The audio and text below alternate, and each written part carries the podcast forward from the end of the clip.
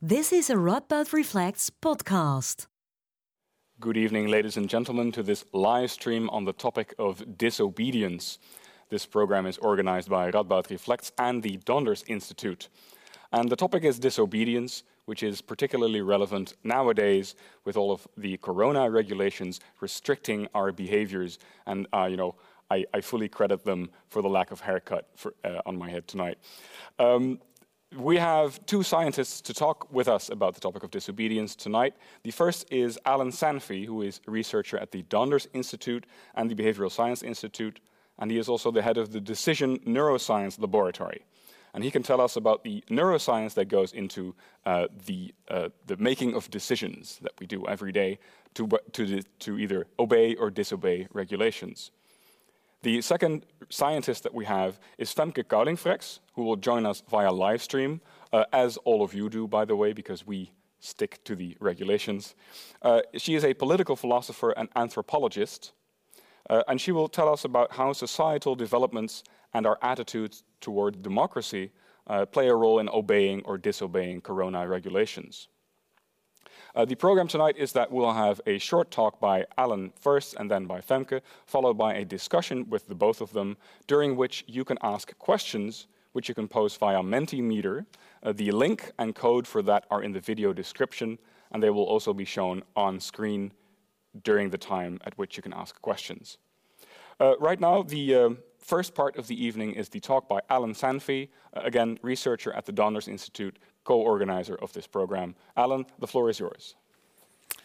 Thank you, Frank, um, and thank you to Radboud Reflects for organising this. It's uh, nice to be here. It's nice to be anywhere these days. Um, but uh, what I'd like to talk about this evening is some insights from our field of decision neuroscience as to how and why we find it difficult to uh, obey rules, and what principles we've learned from laboratory research in decision making that might help us understand why we disobey rules and how we can change things to maybe get more obedience.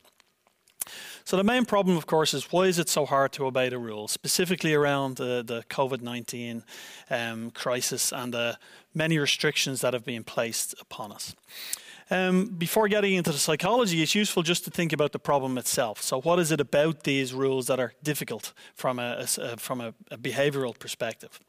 Well, one is that the rules keep changing. They're complex, um, and they, they change seemingly on a weekly basis. It's unclear what's advice, what's an obligation, what's a law, um, which makes it quite difficult to even know what the rules are if we want to uh, adhere to them. A second factor that's important is the, the imperfectly understood science around uh, COVID 19. We don't still, as a society, know exactly how um, the virus is transmitted. We don't know exactly what the long and short term uh, results are. And this makes it quite difficult then to get people to uh, obey rules uh, associated with um, avoiding this virus. A third factor, and probably most important from a psychological perspective, is the notion of uncertainty. COVID 19 brings with it a lot of uncertainty, and we can distinguish here between what we might call risk versus ambiguity. So, risk is uh, a, an uncertain outcome which we at least know the kind of probabilities about. Um, and often we're, unclear about what are the, the risk factors behind getting COVID, what's the likelihood of us getting uh, the disease if we um, are in a social environment, and so on. Uh, this leads to often a, a, related fact, which is this notion of an optimism bias. So, this is a psychological uh, effect whereby we typically think bad things are not going to happen to us. So, we may know that, for example, 50% of people over a lifetime will, will get some form of cancer, but we don't really think that applies to us. And of course, this has serious implications for our willingness to follow rules and our understanding of what are the risks involved in certain types of behavior around COVID 19. And finally, I think one of the, the really difficult things about this particular societal problem is that it requires sacrifice. And this is uh, more the case for younger people. Younger people we know are less affected by the virus, but they're being told constantly they need to change their behavior in order to help others, you know, particularly the elderly, the vulnerable, and so on. And that idea of doing something for the benefit of other unknown people uh, can be quite difficult from a psychological perspective. So all of these taken together make um, the, the problem of obeying the regulations around COVID 19 difficult. Um, so, what I'd like to do is talk a little bit about how we make those decisions and uh, focus in on two aspects of the decision making, namely the fact that we typically use a risk and reward trade off. So, the decisions we make on an everyday basis uh, often are made by balancing two aspects the risk of, of the, in this case, COVID 19 to ourselves and others. So, what are the chances of bad things happening uh, associated with my behavior? Versus the gain. So, my desire for a convenient lifestyle, I want to go to the supermarket whenever I want to without queuing or without wearing a face mask. I want to socialize whenever and with whoever I want. And I want to do my job um, the best way I can. So, all of our decisions at these times are essentially balancing these two factors off. Uh, how likely is it that I'm going to cause damage to myself or other people? As opposed to how what's it going to bring me if I do uh, disobey the rules. And so, what I want to do over the next uh, 15 minutes or so is talk about these two, these twin goals, these tw- twin aims of risk versus reward, and look at how the way the rules have been uh, informed to us uh, may make it difficult to adhere to these rules. So, if we look at risk first. So we can think about first how do we understand risk around COVID 19? So, how do we have a good sense of how risky certain behavior is. So, one key factor here is how risk is communicated to us. So, what we ideally want from a psychological perspective is that risk is communicated to us kind of very clearly. And so, I'll talk a little bit about the language uh, that risk should be transmitted in in order to make it kind of abundantly clear to us what the dangers are. And the second part of understanding risk is what we might call our risk preferences. So, even given that we might know particular risk factors, what do we think about that? So, what are our preferences for risk? And so, here I'll talk about how different preferences for risk can motivate different types of behavior. And understanding these twin elements are really key to understanding how best we should uh, give rules in order to get compliance on a societal level. So, first, understanding risk communication. So, how should we communicate risk? Well, we know from a lot of psychological research that ideally we should engage people very clearly. So, uh, risks should be very clearly transmitted, but also it's beneficial if we can engage with people emotionally and personally. So we don't just give dry statistics, but we can give people a narrative which uh, has some empathetic or affective gain, and that will, I think, that's the best way to get risks across. So if we look often at how risks are given to us at the moment, often we're given information like this. So this is uh, how one should um, wash one's hands. And if you're like me, you get to step two and you've already lost interest in hand washing as a, as a feat, right? It's just far too boring, too much text, I don't care. So how can we better communicate a risk? So here's a very nice example from uh, a school in the US where the teacher um, did an experiment in class. Um, she took five slices of bread regular white bread. Um, she sealed one immediately as a control case, as you can see there. Uh, and then the other pieces of bread were handled by different people in the classroom. They were put in the Ziploc bag, and then the teacher waited, and the students saw very clearly what happens to bread when they've been handled uh, by people with dirty hands. That's the number three in the middle there. Um, they get progressively more disgusting, where if you look at number one, that's a bread that was wiped on a keyboard and then sealed. So that alone made me uh, buy a new keyboard, this particular example. Um, and you can even see the difference between uh, soap and water and hand sanitizer between slices four and five. So this is a very nice example of a very vivid, clear, kind of emotionally engaging example of the benefits benefits here of hand washing. Um, and I think uh, we should communicate risks in this fashion. It doesn't help if there's a little bit of disgust involved. That's particularly uh, uh, grabbing here in this case. But this is, a, I think, a nice example of the, the way risks are, are communicated to really drive the point home as to how we should behave in this case with hand washing. Another example of risk communication is that we're often talked, we're often told about this kind of exponential uh, growth of, of COVID-19. We're, we're told about this that we see graphs like this that uh, if you know we don't um, uh, flatten the curve, um, COVID 19 will spread exponentially and be a, a, real, you know, much bigger danger. And this is often conveyed in graphs like this, which I think aren't particularly helpful to most people who don't read graphs for a living. Instead, there are other ways of giving this information. Here's a nice example um, where you can see that if one person infects three others, very, very quickly, in four steps, a large group of people are all infected. And that really, again, I think, uh, hits home the notion of an exponential spread uh, via this very clear uh, graphic and uh, emotionally engaging example. So these are, I think, better ways that we can communicate risks that will help people uh, be, appreciate the, the probabilities of contracting the disease and behaving in a, in a, a more appropriate way. Another aspect that's been, a, been the focus of a lot of research is how should we communicate the risks via descriptions or via mechanisms? And it turns out mechanisms are much more persuasive uh, ways of getting one's message across. So here's an example of a description about when to use a mask. Again, it's a list of text. I'm th- three lines in. I don't care anymore, and mask wearing has not been affected by me looking at this uh, advertisement. However, if we give an example like this, this is a, a very clear example of how masks actually help, both on the emitter of the um, spray of, of virus here, but also on the, the, the, face of the receiver. And so this gives a very clear example of how wearing a mask, uh, if you're confronted with someone will stop infection, but it'll also stop infection com- coming from you too, potentially. So, this notion of communicating mechanisms uh, is also a highly effective way of uh, reaching people with a, a, with a proper message. So, this is the notion of risk communication. Uh, the other aspect of risk I talked about was risk preferences.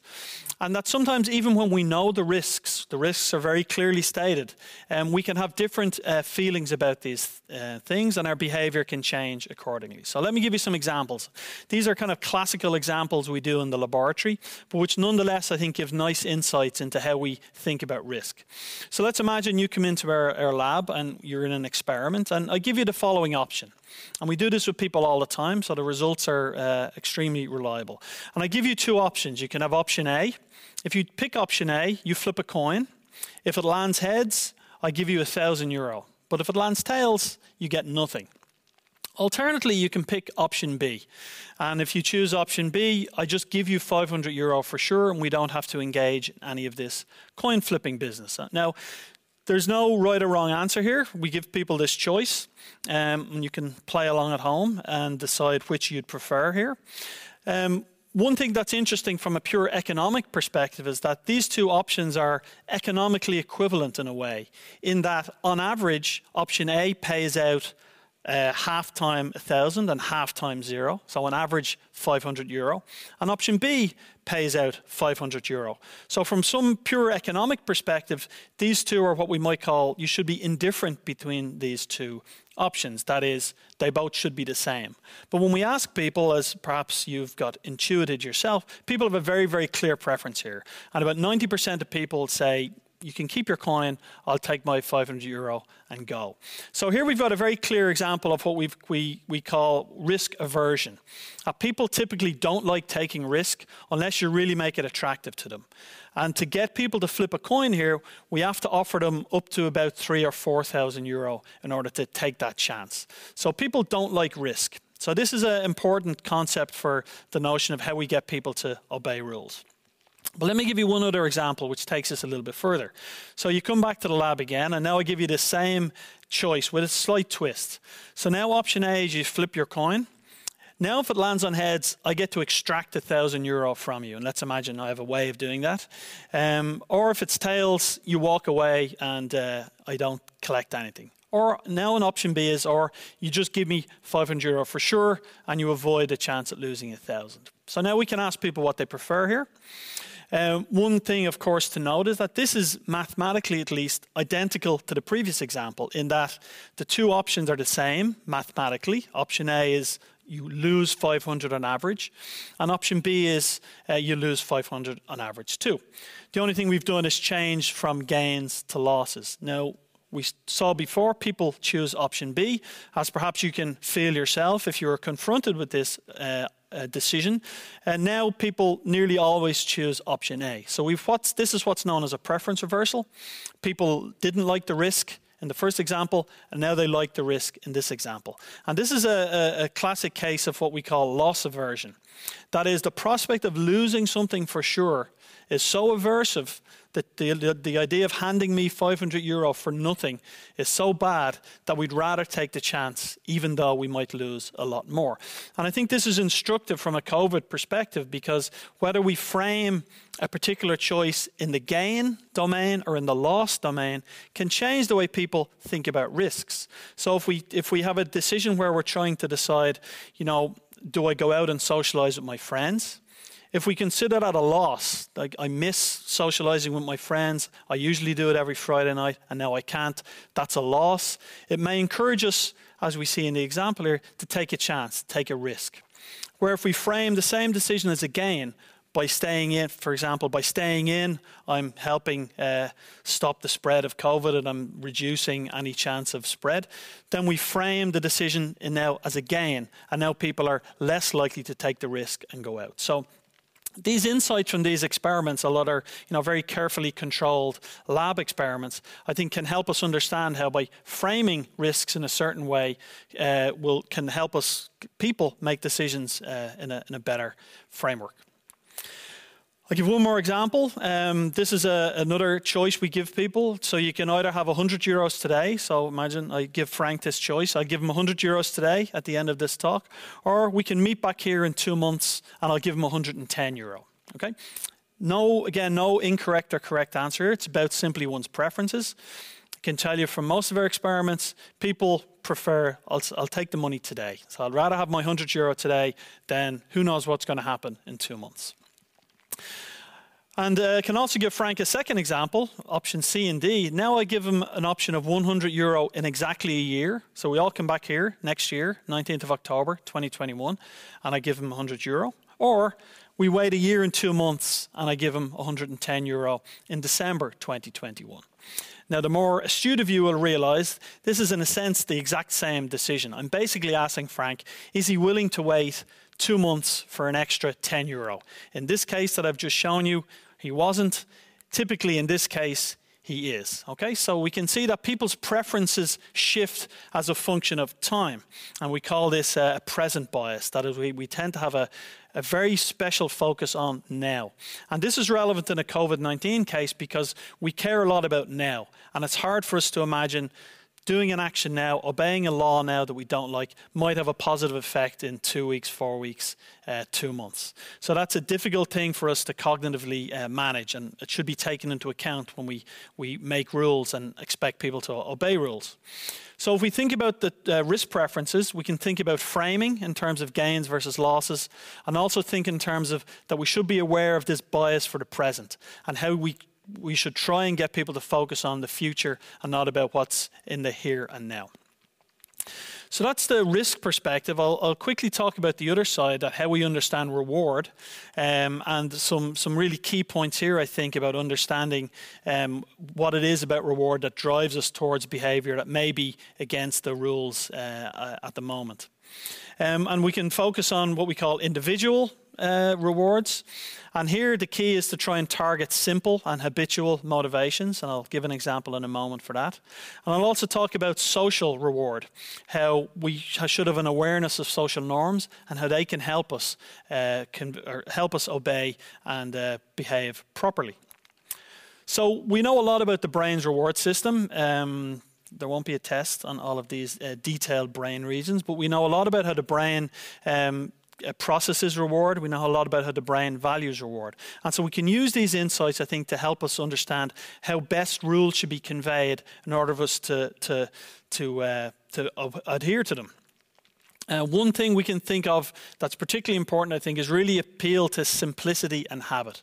We should really be very careful about making rules as simple and as habitual as possible to follow.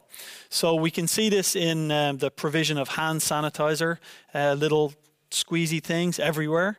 Um, there's a lot of research showing if they're in the middle of an entrance versus the side of an entrance, there's actually a big difference in how much people use them. So the simpler um, these rules are in our daily course of life, the more likely we are to follow them. We see this all the time in the supermarket. Now we have these little taped off areas everywhere, which makes it very simple to know where I should stand. And we see a little taped box, and it's very hard not to stand in it. So these things really help us uh, behave properly. Uh, another example, this is from the New York uh, bus system, is uh, disposable face masks. So if you want people to use face masks on public transport, give them a face mask as they enter public transport. So these things seem, in one uh, sense, almost too simple, right? How hard is it to remember your face mask when you're going out? But if we really want to um, make individual choice as rule following as possible, we have to make it as simple as possible and make it as habitual as possible. Um, other countries, so in, you know my home country of Ireland, has also made a, the broader system um, a little bit easier to understand. I think as compared to the, the Dutch system, which often seems to go from press conference to press conference. In Ireland, there's very clear levels, and your immediate uh, geographic area is in a particular level, and it's very clear. I think, um, as hopefully you can see from this reproduction, it's very clear then what the rules are associated with each level, and you always know what level you're in at any given time time. So um, the the bigger uh, societal governmental level choices can be made more focused uh, also and made more simple to understand. Uh, and just to close, I'll talk a little bit about social choice. I think Femke will also talk about this uh, in her talk, so we can discuss this later.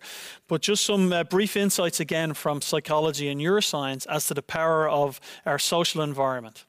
So, it turns out social motivations are really important. So this is from uh, a little picture of the days when you could go and eat an ice cream um, in the nice Dutch sunshine here, the nice flat landscape and the ice cream cone.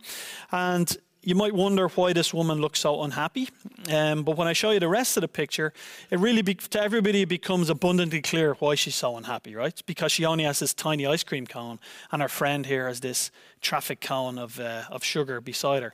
And this is just to illustrate that social motivations really matter. We really care about what other people are doing, we care about what other people have, and we care about the behavior uh, and examples set by other people.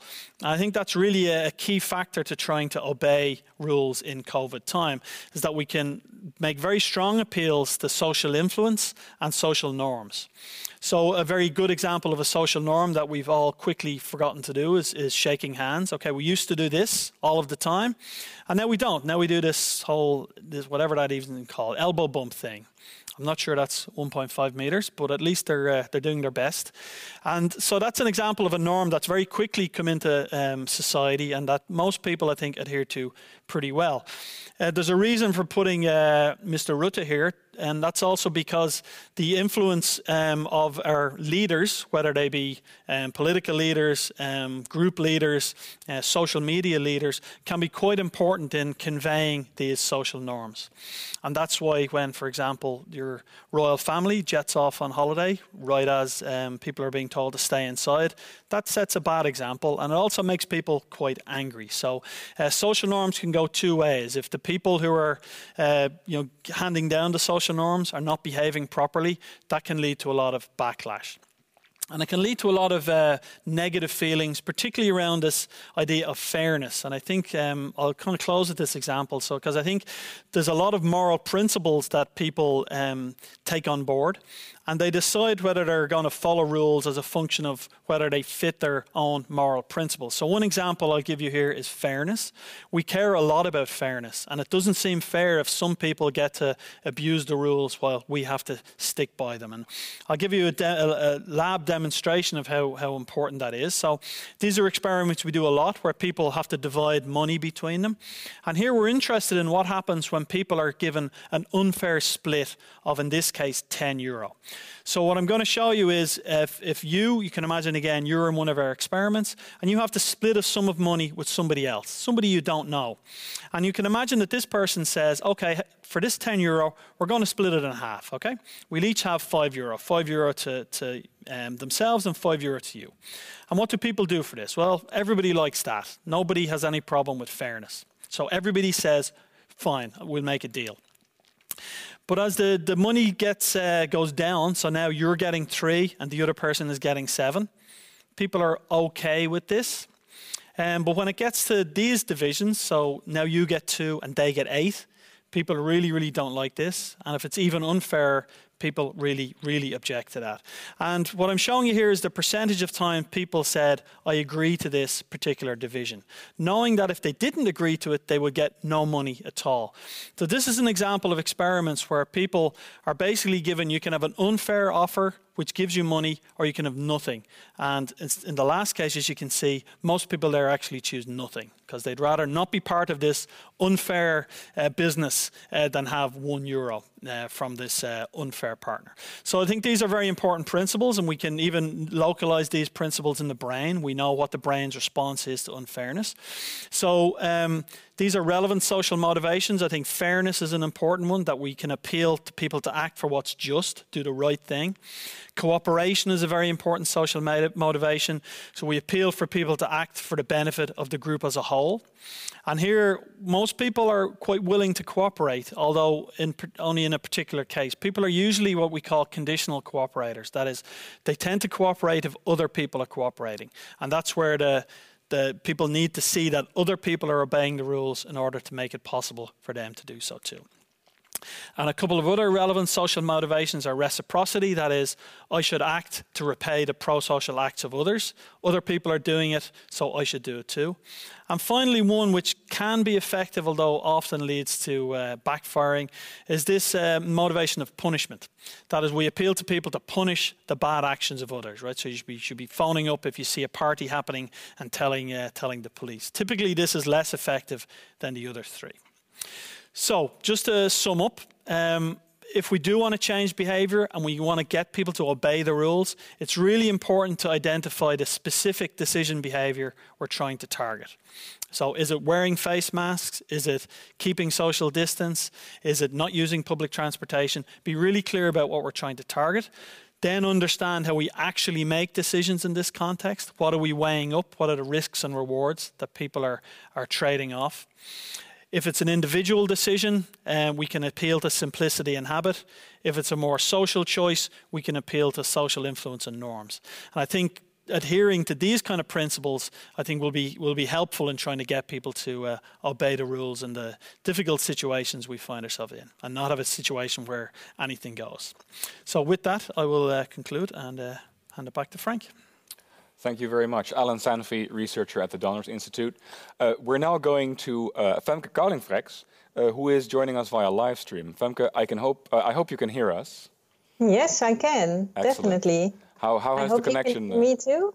Oh, yes, we can hear you too. Yes. How, okay, has the great. connection been all right? Yeah, wonderful. Yeah, very interesting talk, Alan. We have very different fields of expertise, but I see a lot of links between uh, the two stories of today, so that's really nice to see. Excellent. We have some time after your talk to uh, go into the connections between your talks. I'm looking forward to that. Uh, but first, we're going to listen to your lecture, Femke. Uh, the, the digital floor is all yours. Thanks very much.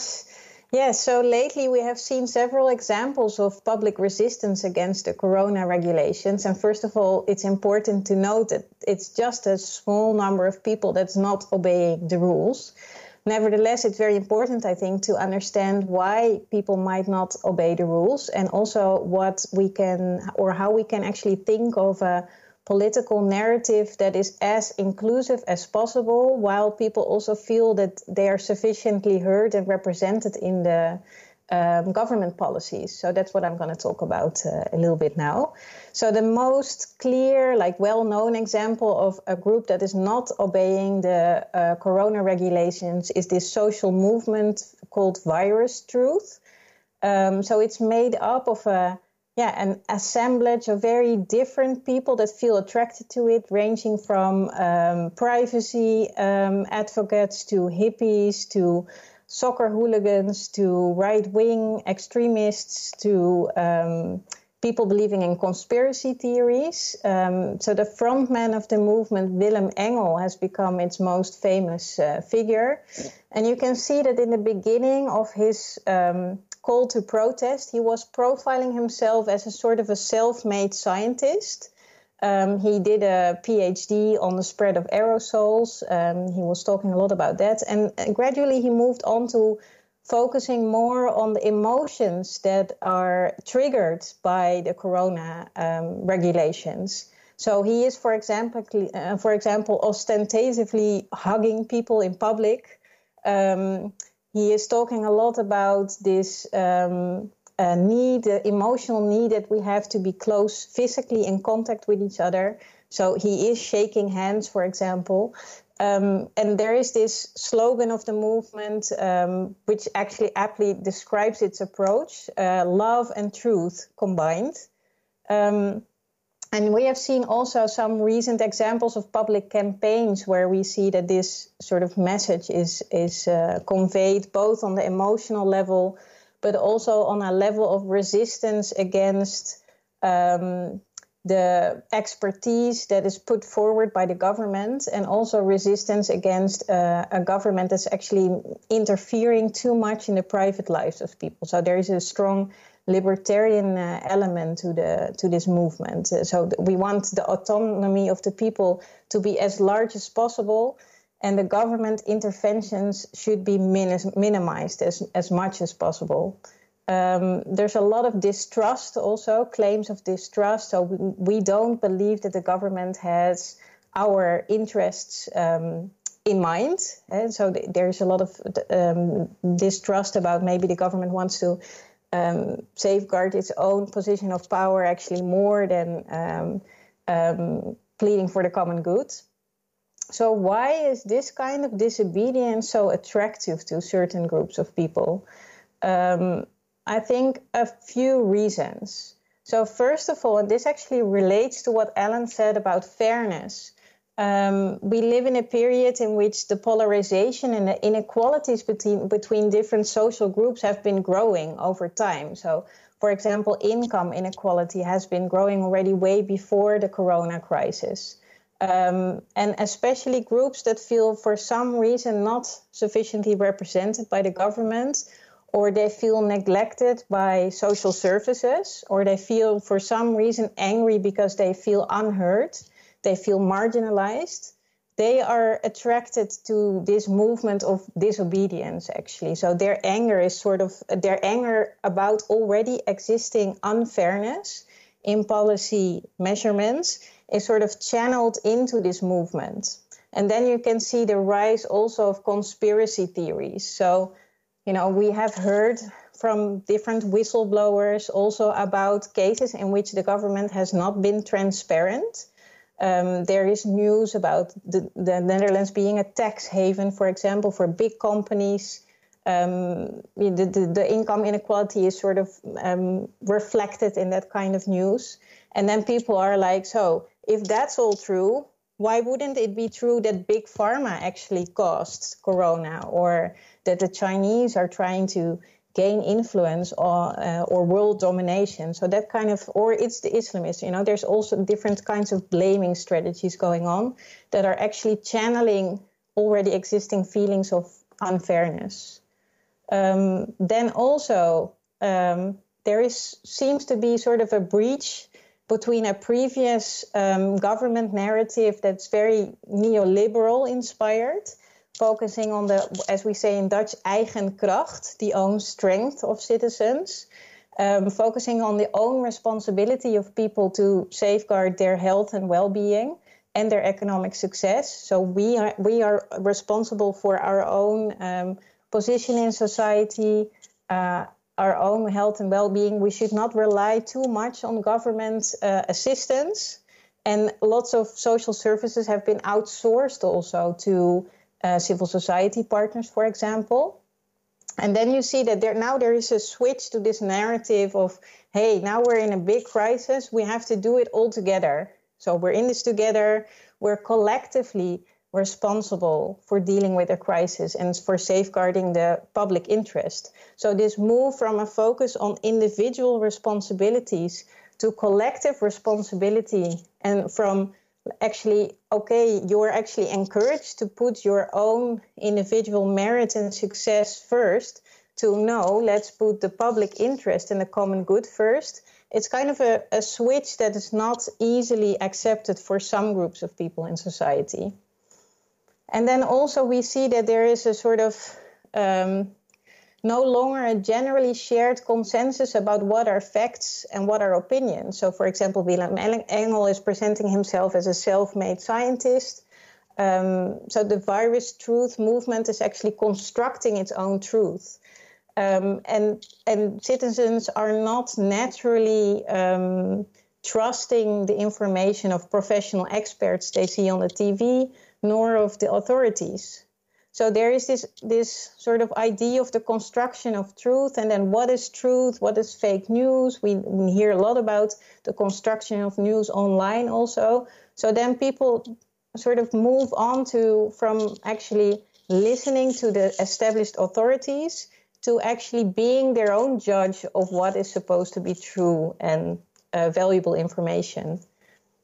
Um, so when we look at these different reasons for people to um, disobey, it creates, of course, tensions in society. So what? How can we analyze these tensions and also possibly deal with it in a in a constructive political way? I think that the ideas of French philosopher Pierre Rosanvallon are really helpful to sort of analyze what is happening with this movement of disobedience. And he writes about the relationship between democracy and what he calls counter democracy. And first of all, he states that um, democracies are actually inherently characterized by confusion, opposition, and resistance. So there's actually no blueprint of one ideal democracy uh, with one consensus in which 100% of the population is really represented. And in which 100% of the population is giving consent to policies from the government. So there is always a certain democratic deficit, so a certain part of the population that does not feel uh, 100% represented. And this democratic deficit can actually never be completely resolved because democracy democracy is actually always work in progress. It's never um, it's never completed in a way. It's always a little bit incomplete, and we actually have to sort of yeah accept that that's just a part of the democratic process. Um, so in a way, his theories relate a little bit to what is called as theories about agonistic democracy, for, uh, for example, by thinkers like Chantal Mouffe, um, who also says that um, um, democratic deliberation in a sort of neutral parliamentary space, for example, in which everyone is uh, represented equally on equal terms, is actually not how democracy works in reality because there are always struggles between different interest groups. There are also always ideological battles between different uh, values, different standpoints uh, different political perspectives, and that's actually very characteristic about a democracy. We cannot resolve that permanently.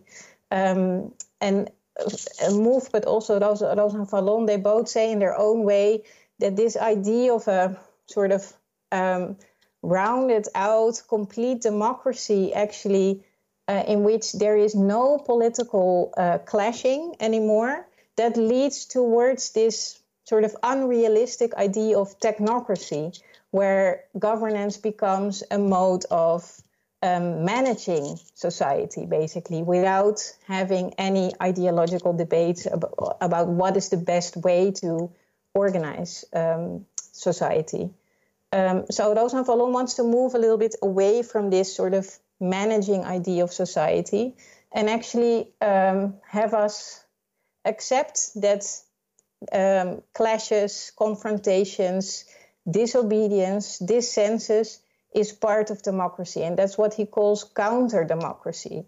So, counter democracy for Rosanvallon is that part of the democratic process made up of interest groups that are taking part in the political process and they're actually functioning as supervisors uh, for the democratic process. And they can be groups that are part of the electoral system um, so they can be inside of institutional politics, but it can also actually be social movements that operate outside of the electoral system, but they're nevertheless mobilizing a lot of people. So, for example, Virus Truth.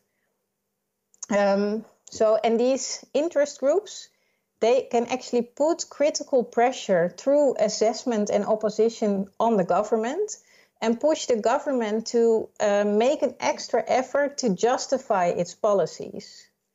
Um, so Rosanvallon a little bit more than the other uh, thinkers I mentioned that are working on this idea of agonistic democracy is actually envisioning how um, this obedience and dissensus can actually be incorporated in the system of institutional politics.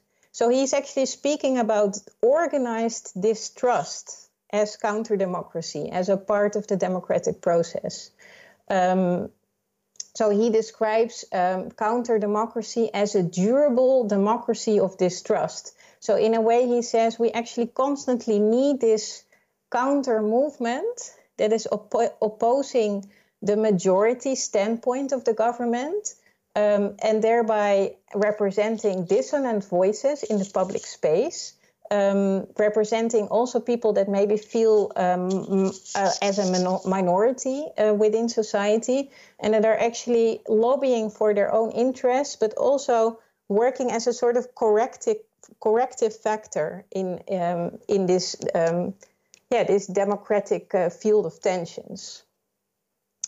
Um, but van Valon is also important to, to know that also recognizes that there might be a dark side to these counter democratic forces. So they could become very populist.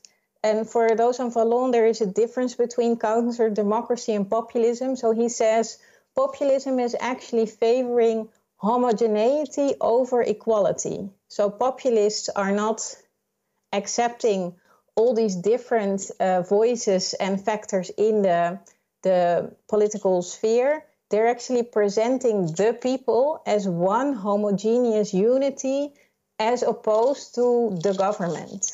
And he, uh, Rosanvallon sees a danger in that kind of populism because it denies the diversity that is inherently present in society.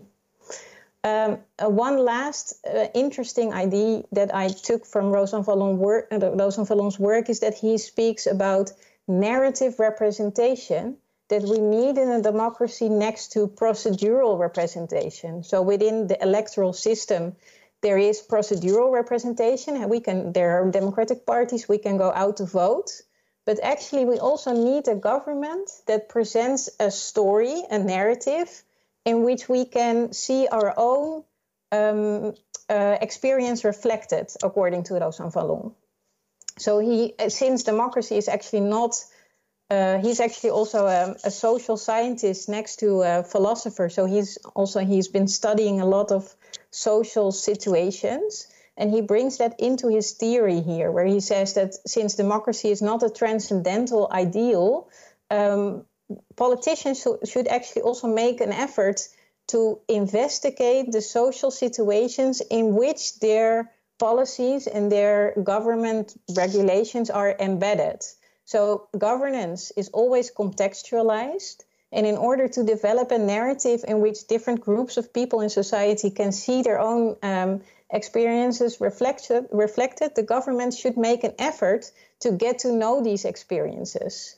Because if there is no insight in the stories and the experiences of different groups of people in society, it's very uh, easy to have stereotypical views about the experiences of others that we don't personally know. And then it becomes very difficult to actually do something that is in the benefit of those unknown others, as Alan also explained before. So, how can we sort of develop a political antidote to that difficulty? Actually, by giving insight in these different stories about different experiences.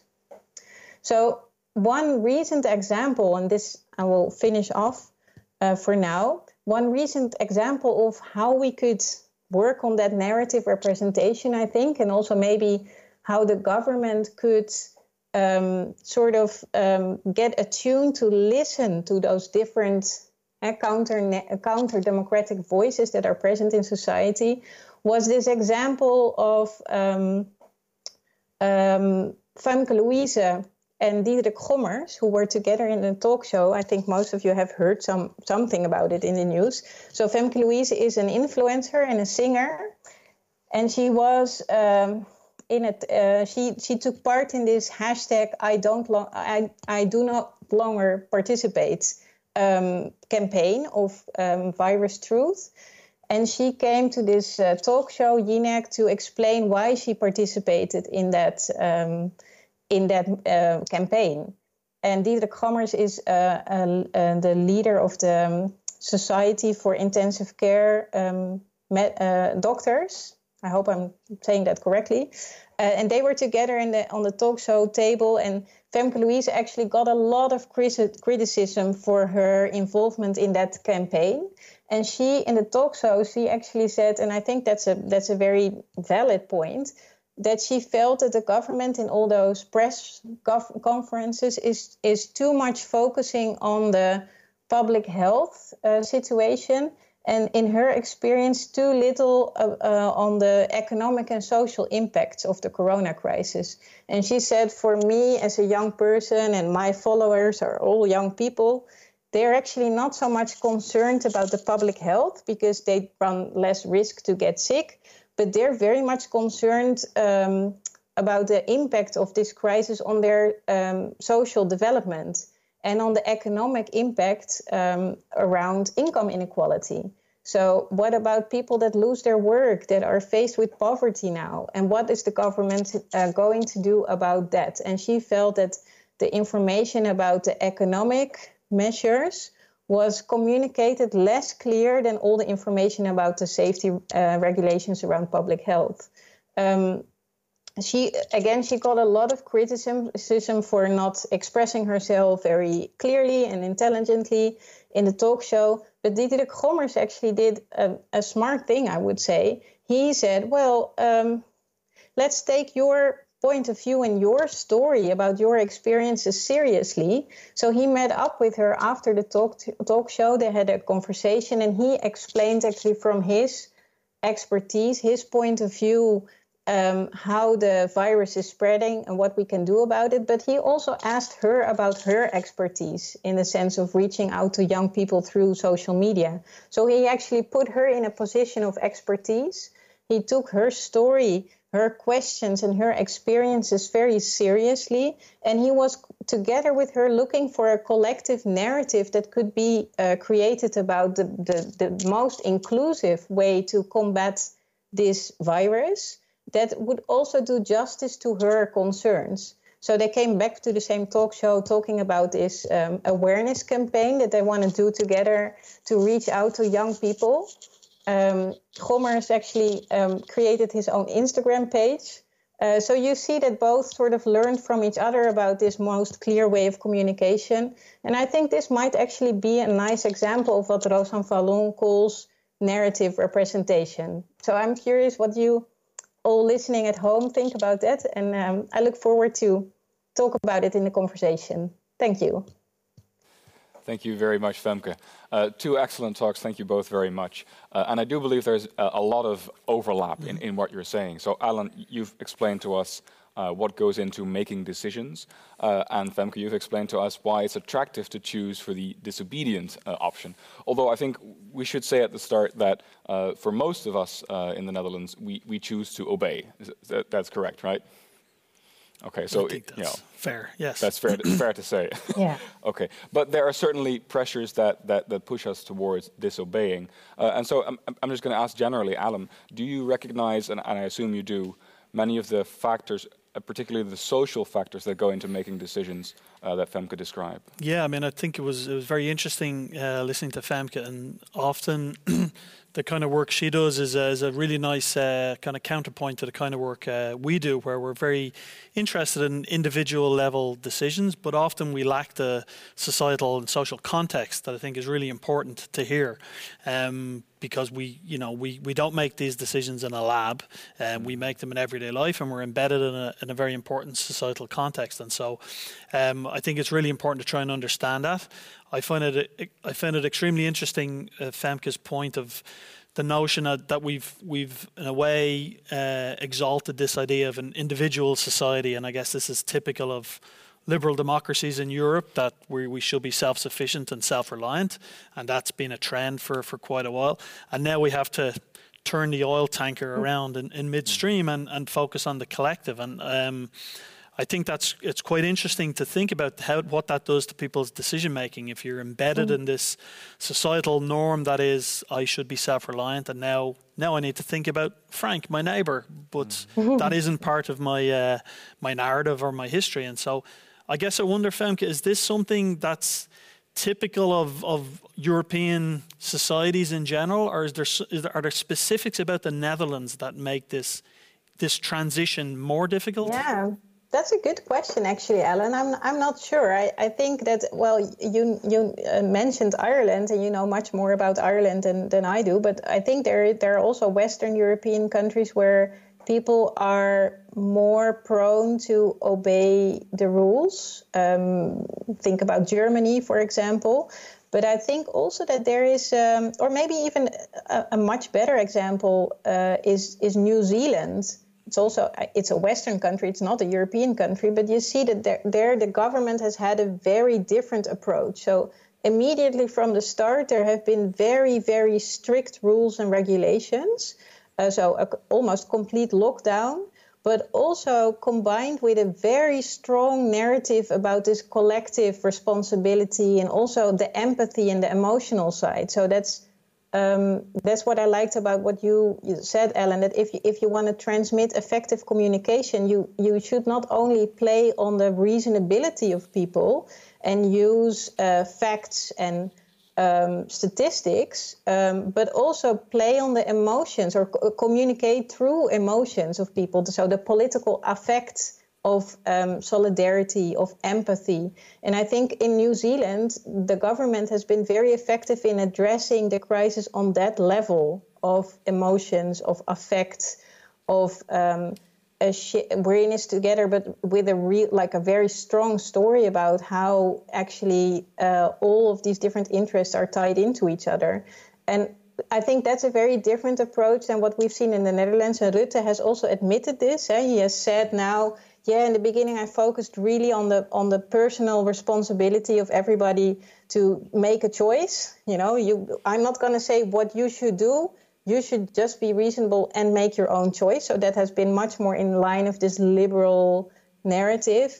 And then it didn't work out that well. So now there's this shift, and it, I think especially for young people who have been growing up in this neoliberal discourse of self-reliance it's hard to make that shift because they're also in a phase in their lives with their with the reward system and they're very much focused on the quick rewards.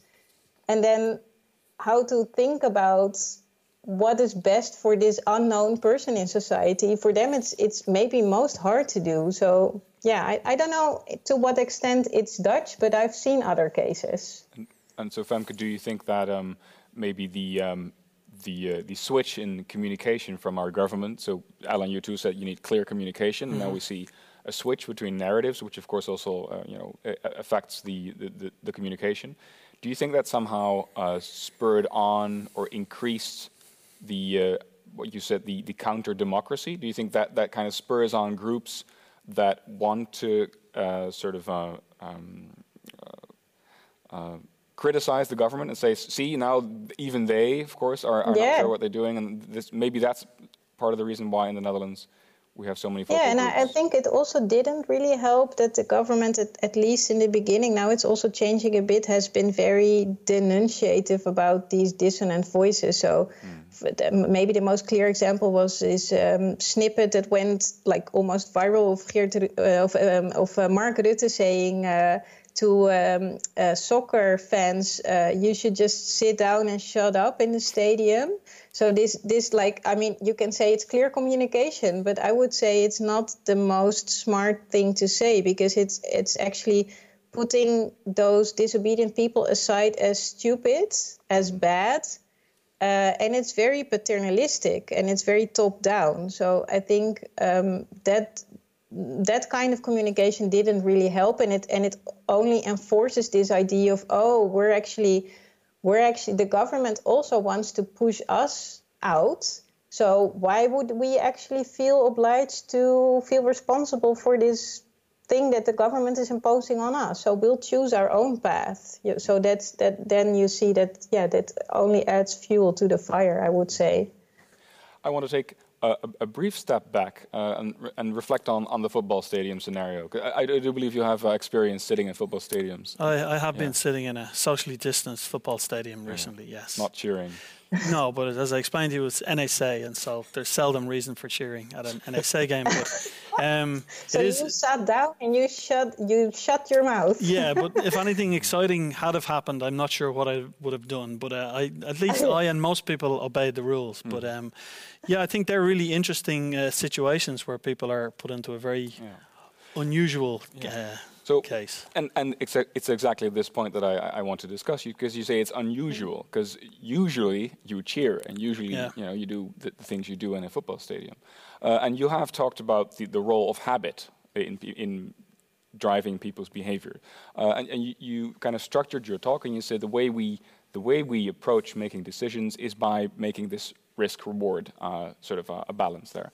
But would you say that risk reward um, uh, considerations even come into play when it comes to washing your hands when you enter the supermarket, or isn't it? Isn't let's let's say um, the fact that people don't do that the effect of a habit of not doing that, rather than uh, like an explicit you know, thought saying, "Well, I'm not going to conform to the government." Of course, there are you know parties in, in society that have explicit reasons not to not, not to go against this, but mm-hmm. isn't much of the friction coming not from sort of risk reward balance, but from you know just habit? Sure, and I think when I th- talk about risk reward, um, sometimes it's very cognitive and explicit, and I you know balance the probabilities, but most of the time it's not. I mean, there is uh, those kind of processes are happening, but often they're you know, way beneath kind of conscious awareness. Mm. Um, but it, it's certainly true that most of the behavior we would like to get people to, uh, we would like to enforce, is really habitual, simple behavior.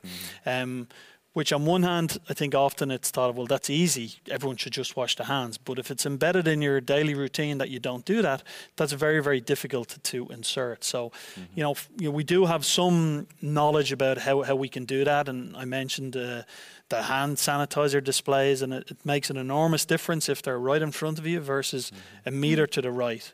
From a pure economic, rational perspective, it should make no difference. Mm-hmm. I take a step to the right, but it makes a really big difference in terms of everyday behaviour. So, I think we need to uh, understand that and really, you know, acknowledge that we, we need to insert ourselves into people's uh, habits right. as much as possible. Right. Um, yeah, and of course, you've also talked about social factors that go in, go into the decision whether or not to wear a mask, for example. So the fact that other people are doing it, uh, I guess, also, you know, legitimizes or makes it easier for, for you to wear a mask. Of course, the uh, more people that are conforming, the harder it is for me not to conform. And okay. often, you know, polite social dis- dis- disapproval can be a strong motivator too. If mm. people stare at me in Albert Heijn because I'm mm. the only one not wearing a mask, that again, for most people, I think there's the, the kind of groups that Femke mentioned are maybe inured to this, and there may be a subset that may revel and enjoy the that, that they're they're breaking these silly rules. But I think for most people, and I think we would like to get most people to obey these rules. Uh, simple practices like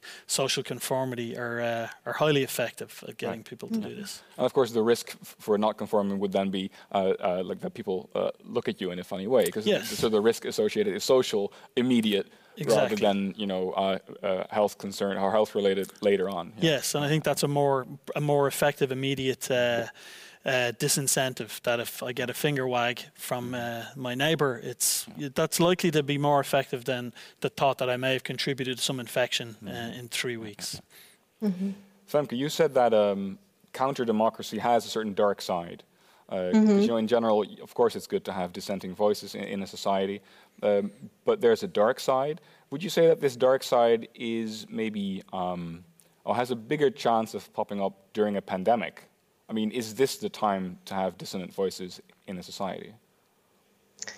Um, yeah, I think I think it's not necessarily more more popping up than it did before the pandemic, but I think if um, if this uh, collective narrative of solidarity, of doing also something good for the person that you don't know, that's not in your direct social environment, it's easy for already existing exclusionary dissonant voices to feed onto the sort of the, the tendency of people to think about their own health and well-being to save themselves during the pandemic so to say mm. so i don't think that it's it's originating in these times of pandemic, but if there is not, not a strong enough inclusive um, uh, rhetoric about how we should, yeah, how everything is connected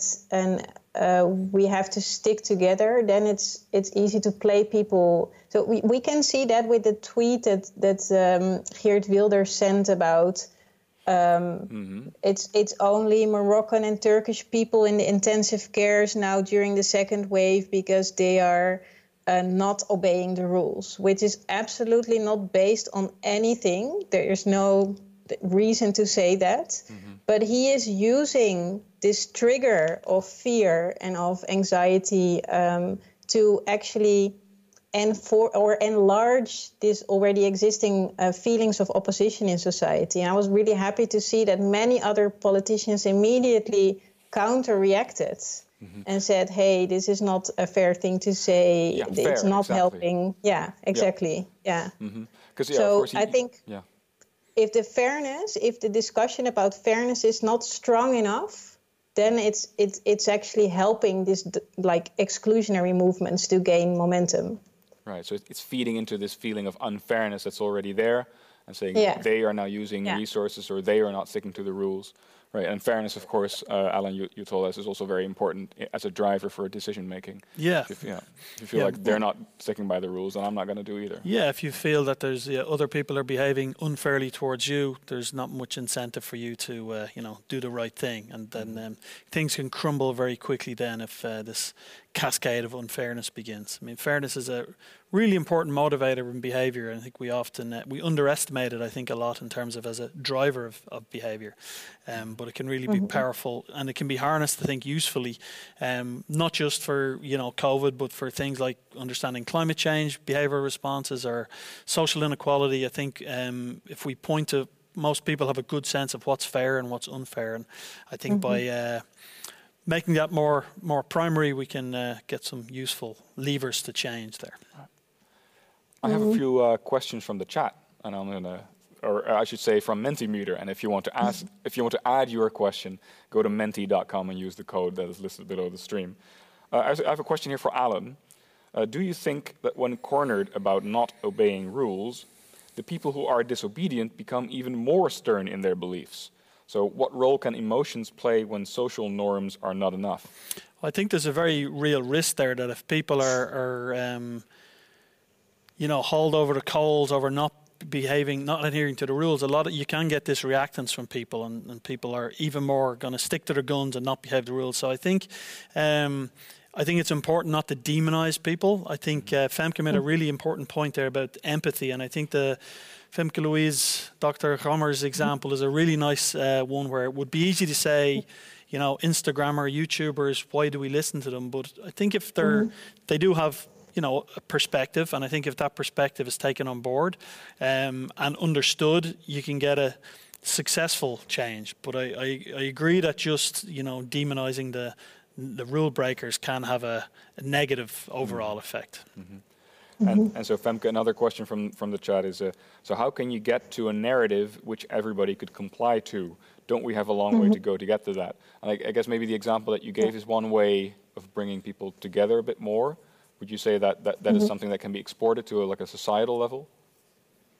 Yeah, I think I think so. This is of course the most difficult thing to do because there I have a bit of a double message and I realize that very well. So on the one side, it should be a narrative that actually is accepting of difference. So accepting of the fact that very different groups in society have a very different experience now. For young people, it's very different than for old people. For people with large homes where they can easily work at home. Um, with babysitters that can can look after the kids it's much easier than for people who live in a large family in a very small apartment uh, and maybe lost their job. So there's big differences in how we experience the crisis and all of those differences have to somehow be included in that um, political narrative. And at the same time we also want a political narrative that is really transmitting a sense of solidarity and a sense of fairness and a sense of we're in it together. And only together we can solve this crisis.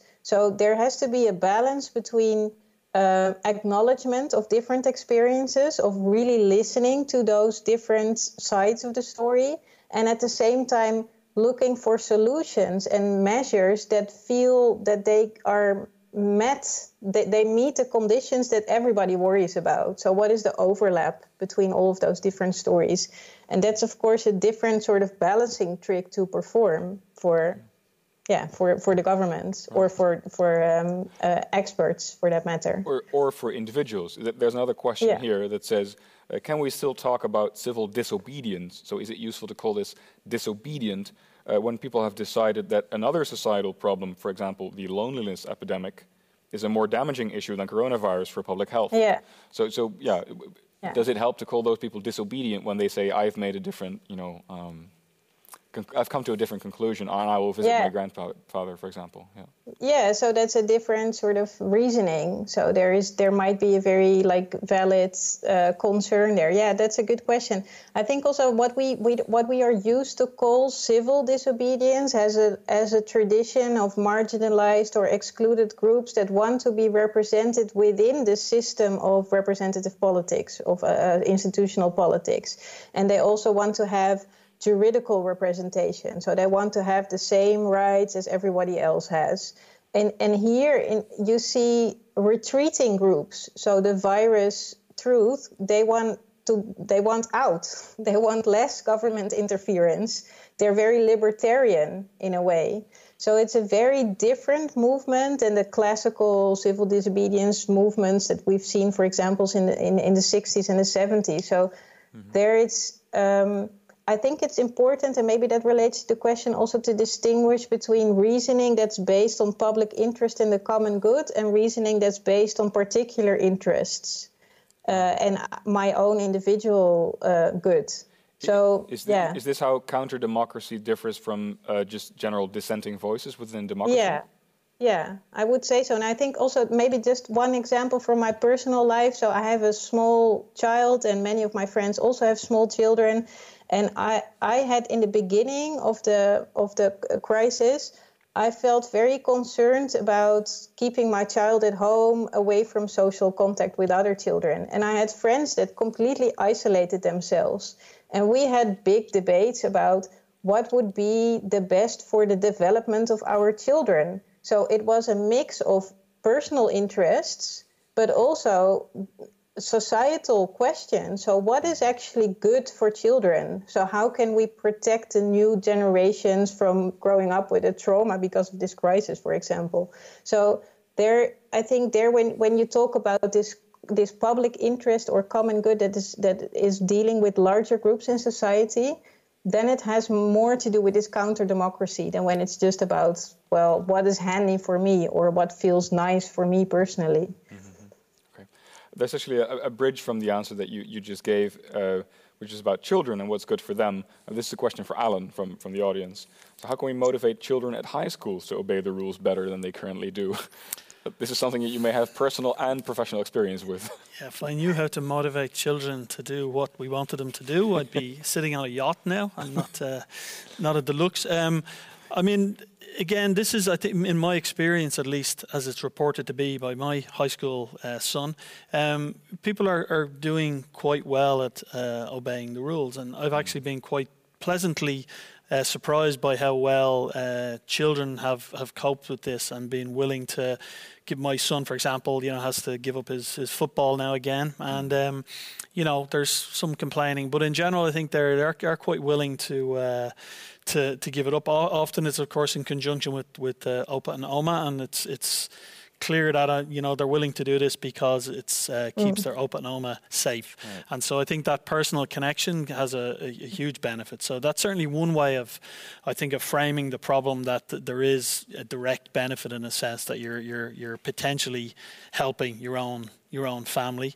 Um, but as I said, I've been quite impressed with the, the, the Dutch youth and their kind of willingness to give up you know, social contact is very, very important for developing adolescence, and to give that up or to do it in a different means uh, is difficult. And um, here again, I think there's a, a, important place for empathy and, and an acknowledgement that this is difficult, and mm. it's not something trivial that we should expect, and you know, just wear your face mask and go to school, but that it's it it, it comes at a cost, and I think a sense of gratitude that they're willing to do that. But mm-hmm. but in mm-hmm. general, I think children, as with you know most Dutch society, as I said, I've been quite. Uh, impressed with people's willingness to adhere and, and to give up uh, things that they enjoy for the for the greater good. And so uh, another question is, if you're doing any uh, research at the moment to test um, because what you've now told me maybe may have been anecdotal to some degree. Um, uh, but uh, are you doing any research right now to test these principles that you've um, explained to us uh, in the current Corona situation? Yeah, n- not yeah. my group are starting to do that. I think there are studies going on more broadly. Um, I think one one thing this this crisis demonstrated was, I think, as I mentioned, that we know a lot about these uh, decision making in these rather contrived contexts. We don't know as much, nearly as much about how people make it when embedded in society, and this is a point I think Femke also made.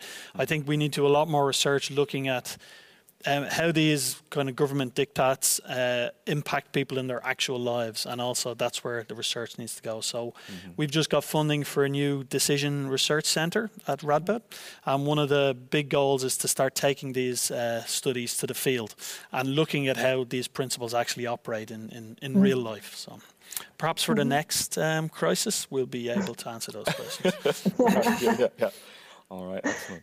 Femke, are, are you doing any uh, uh, uh uh, research at the moment that you that you uh, are you connecting to the corona crisis from an academic standpoint?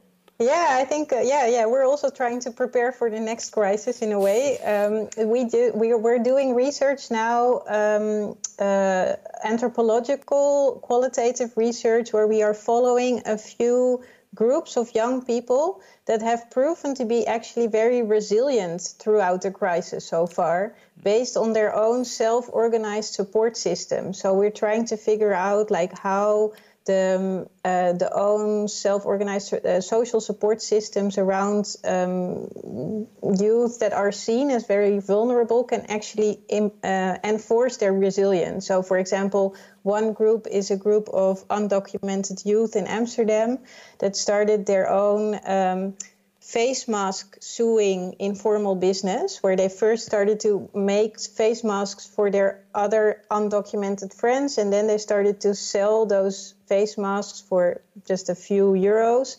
And now they actually have their own social enterprise basically. And they're also supporting each other on very different levels in, in, in terms of their sense of belonging, community sense, uh, cooking for each other, uh, doing groceries, forming like small isolated families within a larger social circle. So, this is one example of a group that has proven to be resilient. So, we try to figure out what are the factors in that process of resilience that can support young people in a vulnerable situation. Hmm. There's a question in the chat that I, or from the audience, that I would like to ask both of you, uh, and that connects to basically the last thing that you said. Some groups are resilient, others not so much. So there's a change mm-hmm. there. So, so what, from yeah. your perspective, makes it that at the beginning of this crisis we were all uh, saamhorig, as it is said here? Yeah. it's like um, uh, how, how would you translate? So we uh, there was a spirit of togetherness, mm-hmm. yes. uh, but that's yeah. sort of that's, that's decaying a little bit. So, from your perspective, yeah. what's why now? So, what's the difference? Why are we increasing our disobedience, or why are some being less obedient now? Well, I think Ellen, probably you know more about our uh, how do you say perseverance or like long term. Mm-hmm. I think it's difficult for us also on a psychological level to deal with risks and uncertainties over a longer period of time. Yeah, I mean, for sure, the, the time is a big factor there. Just at mm. some point, things get wearying, and um, I think all of our resistance kind of uh, declines over time. Um, there, there are of course people who suffer more than others. I, you know, I'm in a fortunate position that you know, my work continues. I still get paid. Um, uh, my children are old enough to uh, allow me to work. Um, but I think if you're in a difficult situation, as, as Femke alluded to earlier, things just it gets more and more difficult over time. Mm-hmm. Um, so I think that's obviously one one very simple factor. Uh, constantly rules changing constantly and loosening and tightening can be quite difficult too if there's a feeling of okay things are getting easier uh, over the summer and then all of a sudden we're back in this current situation. Now that just that's very difficult uh, to deal with i think for people too. You can hunker down for a particular point in time but if it's this constantly up and down that's difficult. I think to some degree the way um, the lockdown has been managed here hasn't helped in that it has often been this there's this Monday or Tuesday evening press conference and things are announced and things are leaked and mm. often mm. then that makes it difficult for people to really have a clear plan about what to do. Um, mm. And yeah, as I said, some groups are just yeah. I think that's that's an important research topic is also to look at other particular uh, either societal groups, whether it be um, you know age based or socioeconomic based, that are more or less resilient. I think would be interesting to study, but I think we don't know more about that mm-hmm. at the mm-hmm. moment. Right. Hmm. Yeah, I can I can say the most about youth because our work is, is is focused on youth, and I think for young people it's very important to have consistent, um, uh, how do you say, companionship of supportive adults in their lives. So you cannot just say once, okay, this is these are the rules, just stick to it, and then expect that it, that it, that they will just do it for a really long period of time because they they they live in a moment that's part of the life phase that they're in um, they have a lot of insecurities, different experiences and concerns. So I think for young people, it's very important that they have space to to discuss these concerns with supporting adults in their environment. So if the schools are closed and then they're open again and then they're closed again, or it's you know there's a lot of change happening in their lives, and if there are not consistent factors of support in their lives where they can you know, vent their experiences or share their uh, um, their insecurities. We cannot expect them to hold on just on their own, you know, because it's life is if you're 16 or even if you're 22, like Famke Louise, uh, life is changing very rapidly because you're in this phase where you're exploring who am I, what's my place in society, what do I stand for, um, and and just yeah just expecting that they will just stick to certain rules over such a long period of time. It's especially for young people it's very hard i think. And we have to like you say ellen i absolutely agree with you. We have to express um, understanding for that it's difficult. And not just have top down uh, like a very paternalistic top down. Okay these are the rules just stick to it. But also express um, empathy in that sense for, for the difficulty that they experience. Right. We cannot do it alone, and we must stick together. Uh, and I'm, um, I'm afraid that's the end of our program for tonight. That's all the time we have. Uh, thank you both very much for being thank here you. and sharing your, your academic wisdom with us. Uh, to the people at home, thank you very much for watching. This was a program by Radboud Reflects and the Donders Institute. Uh, the next Radboud Reflects live stream will be on October 27th, so Tuesday next week. The title is Bewoners van het Witte Huis, uh, which translates roughly to inhabited, Inhabitants of the White House uh, which is a lecture and discussion with political scientists Peter van der Heijden uh, and Bert-Jan Verbeek, uh, and I assume it is on American politics. Uh, so tune in for that. If you like this video and if you like our content, please like the video on YouTube and subscribe to our channel. And if you are so inclined, you could also donate to our program if you want to see more of our programming. The link for that is also in the video description. Thank you very much for watching. Uh, see you next time, and thank you both again.